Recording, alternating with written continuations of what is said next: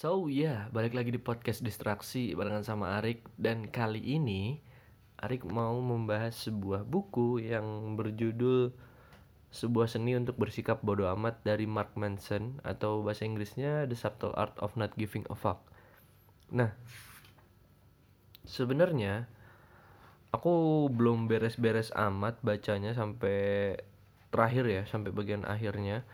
Cuma ada beberapa poin yang udah aku dapat dari buku ini dan uh, cukup relate dengan kehidupanku yang sering memikirkan hal-hal yang tidak penting, sering memikirkan hal-hal yang aneh-aneh gitu kan.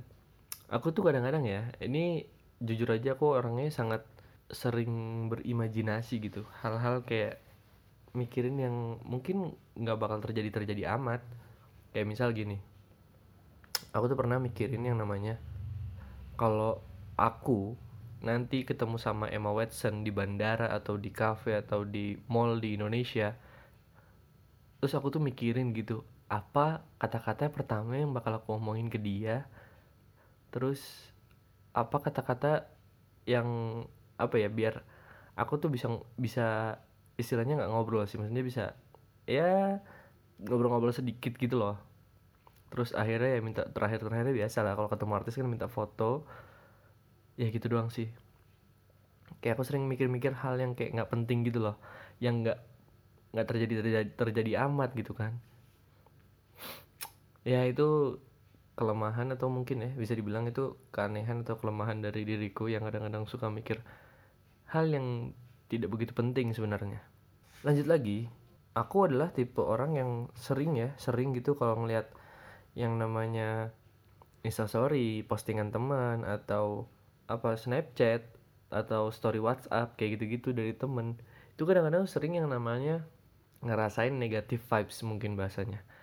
Kayak kita tuh melihat melihat sesuatu itu tuh kayak rasanya tuh kayak ah nih orang ngapain sih? Kayak misal ngeganggu misalnya ngeganggu gitu. Ah nih orang ngapain sih? Ah nggak jelas banget updateannya. Terus ngeliat temen yang kayak dia tuh wah jalan-jalan gitu. Terus ke mall gitu atau ke mana pergi gitu. Pokoknya liburan gitu kan.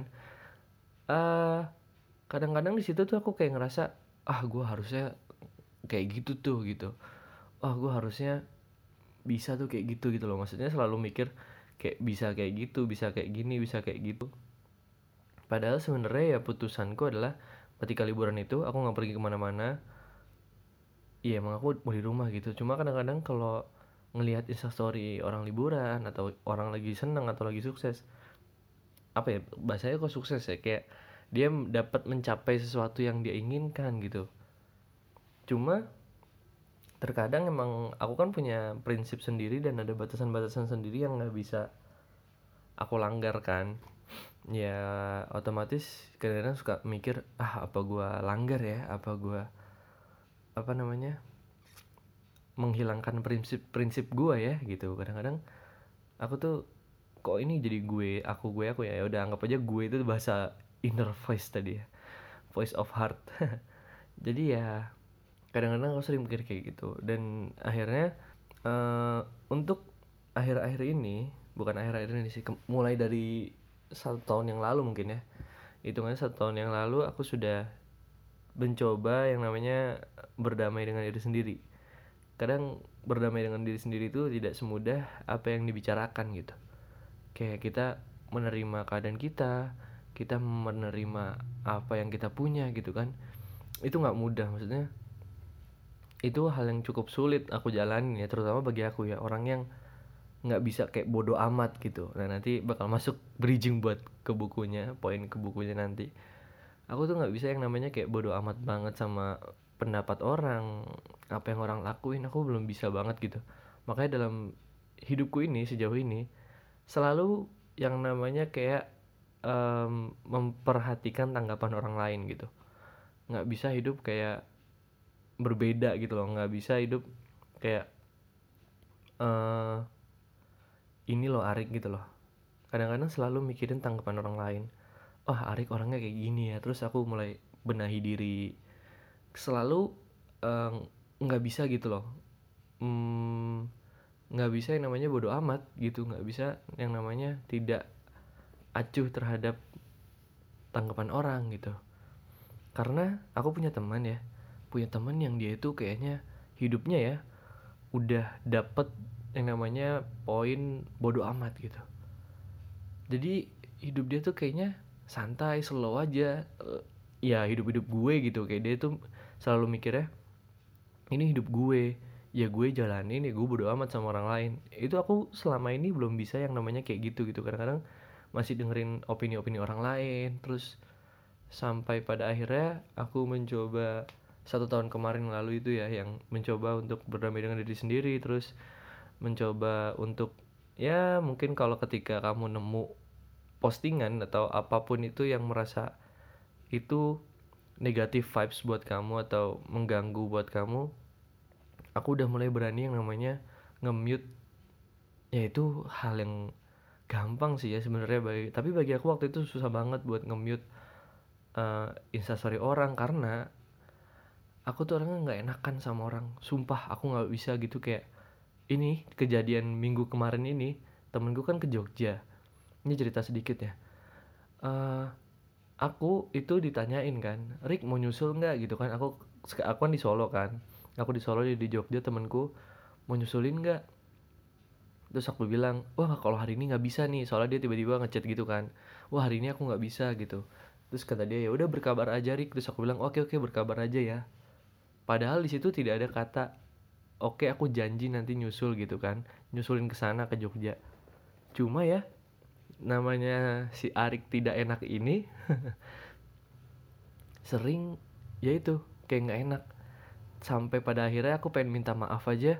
Pengen apa ya ngasih alasan kenapa aku nggak ke Jogja tuh kayak deg-degan gitu. Dia terima nggak nih alasanku gitu loh. Alasannya emang benar gitu loh. Alasannya aku nggak berani izin ke orang tuaku karena bentar lagi uas jadi aku nggak berani buat izin cabut ke Jogja gitu loh. Nah sampai-sampai aku ngechat temenku ngechat temenku yang lain eh gimana nih nolaknya? Maksudnya bukan nolak ya bilangnya gitu nggak jadi ke sana soalnya kayak aku takut izin gitu sama orang tua aku. Terus aku sempat ngobrol dulu sampai nanya-nanya dulu ya cerita-cerita sedikit lah akhirnya kan sama dia. Uh, ya udah akhirnya dia bilang ya udah uh, alasannya kamu emang karena nggak berani izin aja gitu kan.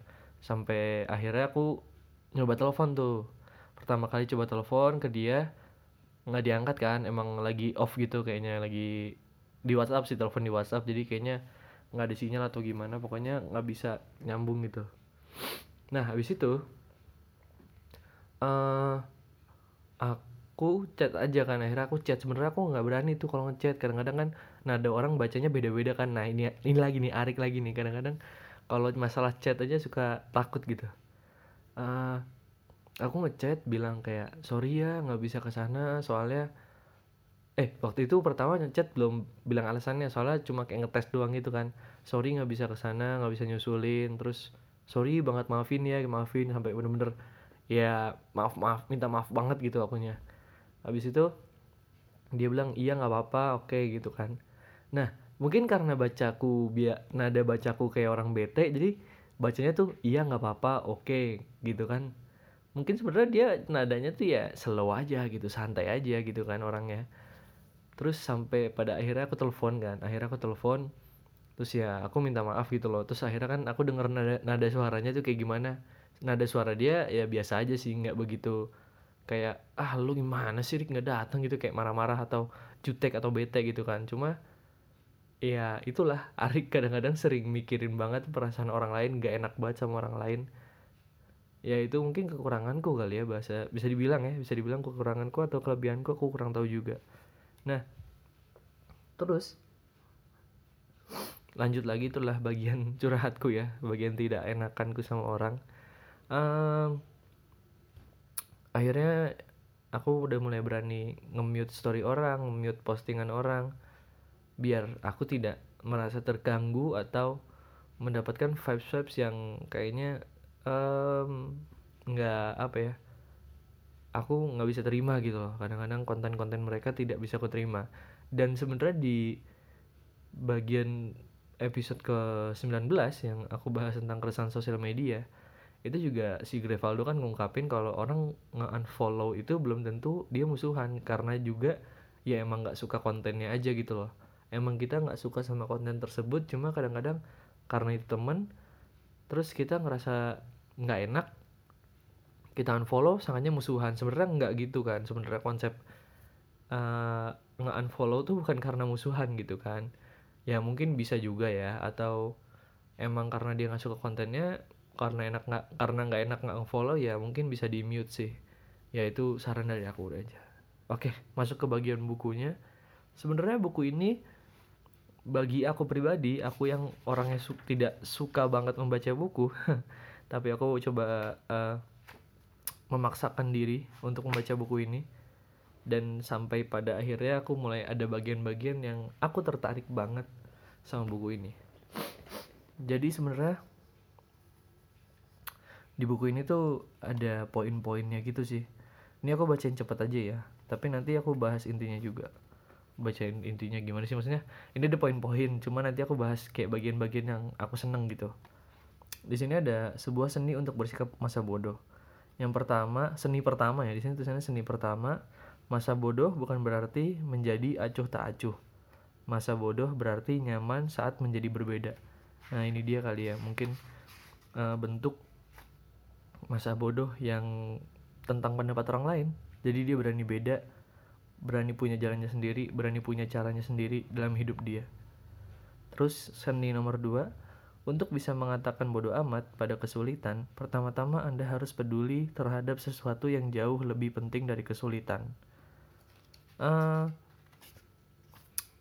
ya sudah dapat sih ya poinnya ya. Jadi kita lebih uh, peduli terhadap sesuatu yang jauh lebih penting dari kesulitan. Mungkin dengan memecahkan masalahnya cuma kalau dibaca secara full ya bagian ini itu sebenarnya mengasih tak mengasih tahu ngasih tahu bodoh amat tuh bukan menghindar dari masalah tapi dihadapin gitu. Masa bodoh mau kayak gimana hasilnya yang penting masalah itu dihadapin bukan kayak dihindarin gitu. Oke lanjut lagi. Poin yang terakhir dia bilang Entah Anda sadari atau tidak, Anda selalu Anda selalu memilih suatu hal untuk diperhatikan ya. Kita kan pasti hidup punya poin tersendiri. Uh, perhatiannya ke mana, arahnya mau ke mana hidup kita, kita udah tahu. Ya itu adalah hal yang mungkin sering diperhatikan. Itu sih uh, tiga poin dari sebuah seni untuk bersikap masa bodoh. Cuma ada sebuah kisah yang aku pengen ceritain di sini dan itu seru banget. Yaitu adalah tentang setiap orang punya bentuk bahagianya masing-masing dan bentuk suksesnya masing-masing. Yaitu adalah kisah sebuah band metal zaman dulu yang dibentuk zaman dulu dan sekarang masih ada kalau nggak salah ya. Itu adalah band Metallica, terus ada band Megadeth, terus ada band The Beatles. Jadi awalnya Metallica itu mempunyai gitaris yang namanya Dave Mustaine awal-awal ya di awal terbentuk sampai pada akhirnya mau label rekaman mau tanda tangan gitu mau tanda tangan label rekaman dia si Dave Mustaine ini dikeluarkan secara uh, bahasanya masalah bahasanya tuh secara tidak hormat. Karena dia nggak dikasih tahu alasannya kenapa tiba-tiba dibeliin tiket untuk balik ke rumahnya. Ya udah akhirnya dia ditendang begitu aja. Sampai pada akhirnya si Dave Mustaine sendiri ini kesel terus depresi otomatis selama perjalanan dia balik naik bis itu ke rumah dia ke Los Angeles itu dia pusing bingung depresi kenapa kok bisa yang namanya dikeluarin gitu. Padahal dia gitaris yang cukup hebat di bandnya ya di band Metallica itu. Akhirnya demi sebuah balas dendam atau kekesalannya si Dave Mustaine ini bikin band lagi yang namanya Megadeth. Nah, Megadeth juga cukup terkenal di Indonesia dan emang sangat terkenal di terutama untuk pecinta band-band metal ya. Dia terkenal banget dan masalahnya adalah Dave Mustaine ini nggak pernah ngerasa dirinya sukses karena standar suksesnya adalah Metallica. Kenapa bisa kayak gitu? karena Metallica itu sudah mencetak eh sorry sudah menjual 128 juta album sedangkan Megadeth 25 juta album. Itu uh, totalnya di dunia ya. Jadi di dunia udah mencetak sebanyak itu. Padahal sebenarnya bagi band-band yang biasa-biasa aja band-band yang masih merintis ngelihat Megadeth tuh udah gede banget. 25 juta album terjual itu sangat besar apalagi lingkupnya dunia kan. Nah jadi kesuksesan di si Dave Mustaine ini ya untuk melebihi Metallica untuk bentuk balas dendam mungkin. Nah terus selanjutnya band The Beatles. The band The Beatles ini dulu sebelum adanya si George Ringo John sama Paul itu ada satu pemain drum yang sebelum Ringo ya. Sebelum Ringo itu ada Pete Best namanya. Pete Best ini juga sama kayak Dave Mustaine dikeluarin dari bandnya. Cuma kalau ini ada alasannya karena si Pete Best orangnya ganteng terus tidak mabuk-mabukan dan digilai oleh wanita-wanita. Jadi seolah-olah ini orang paling baik di grup band itu. Orangnya yang paling baik lah pokoknya. Sehingga digilai wanita mungkin si teman-teman ini pada iri atau gimana aku nggak tahu. Cuma itu dijelasin di buku itu kayak gitu. Dia dikeluarin. Setelah dikeluarin layaknya manusia biasa dia juga depresi stres sampai mau bunuh diri juga di buku ini diceritain si Pete Best ini sampai mau bunuh diri dan dia cuma mau ngomong sama ibunya aja selama dia depresi. Akhirnya setelah menjalani masa-masa itu beberapa tahun kemudian dia mulai muncul lagi ke publik uh, dia sempat diwawancarai dan ditanyain gimana nih perasaannya keluar dari band The Beatles dia bilang kayak gini.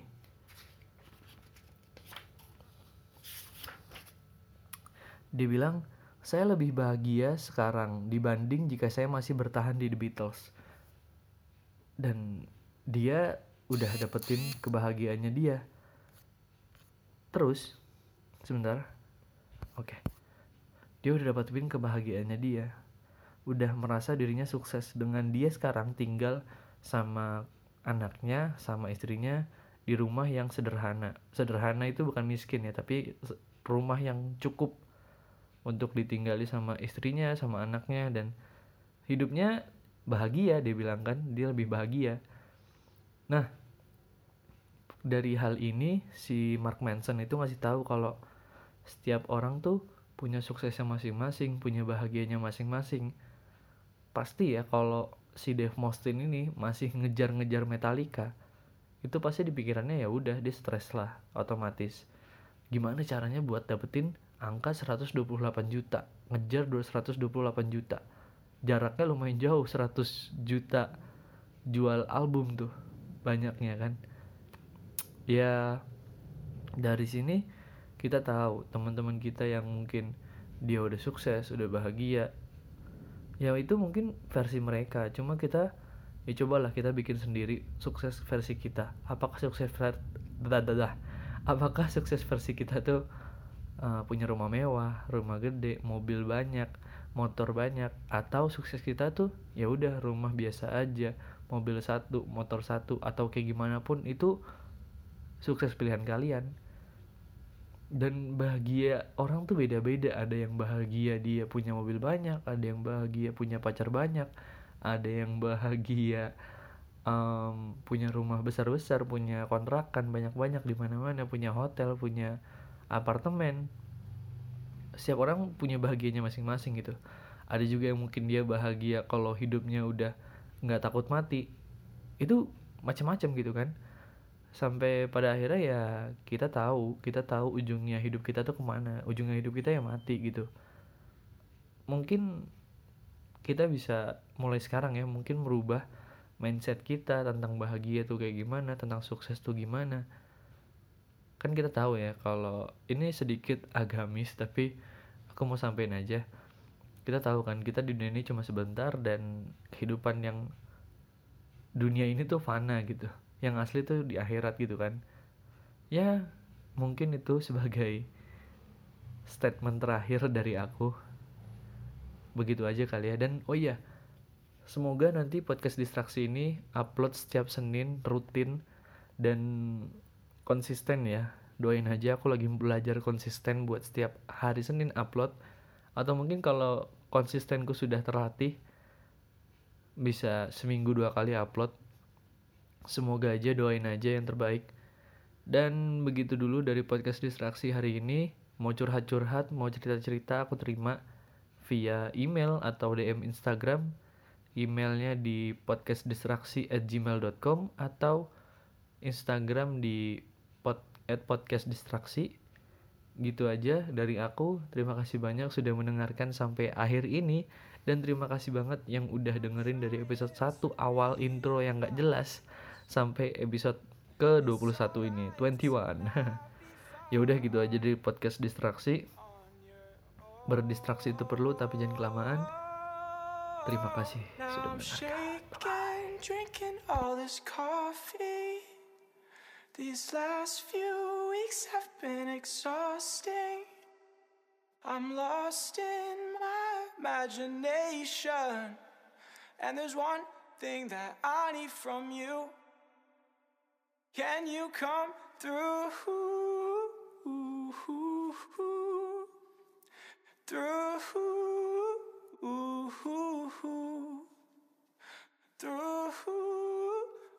Yeah. And there's one thing that I need from you. Can you come through?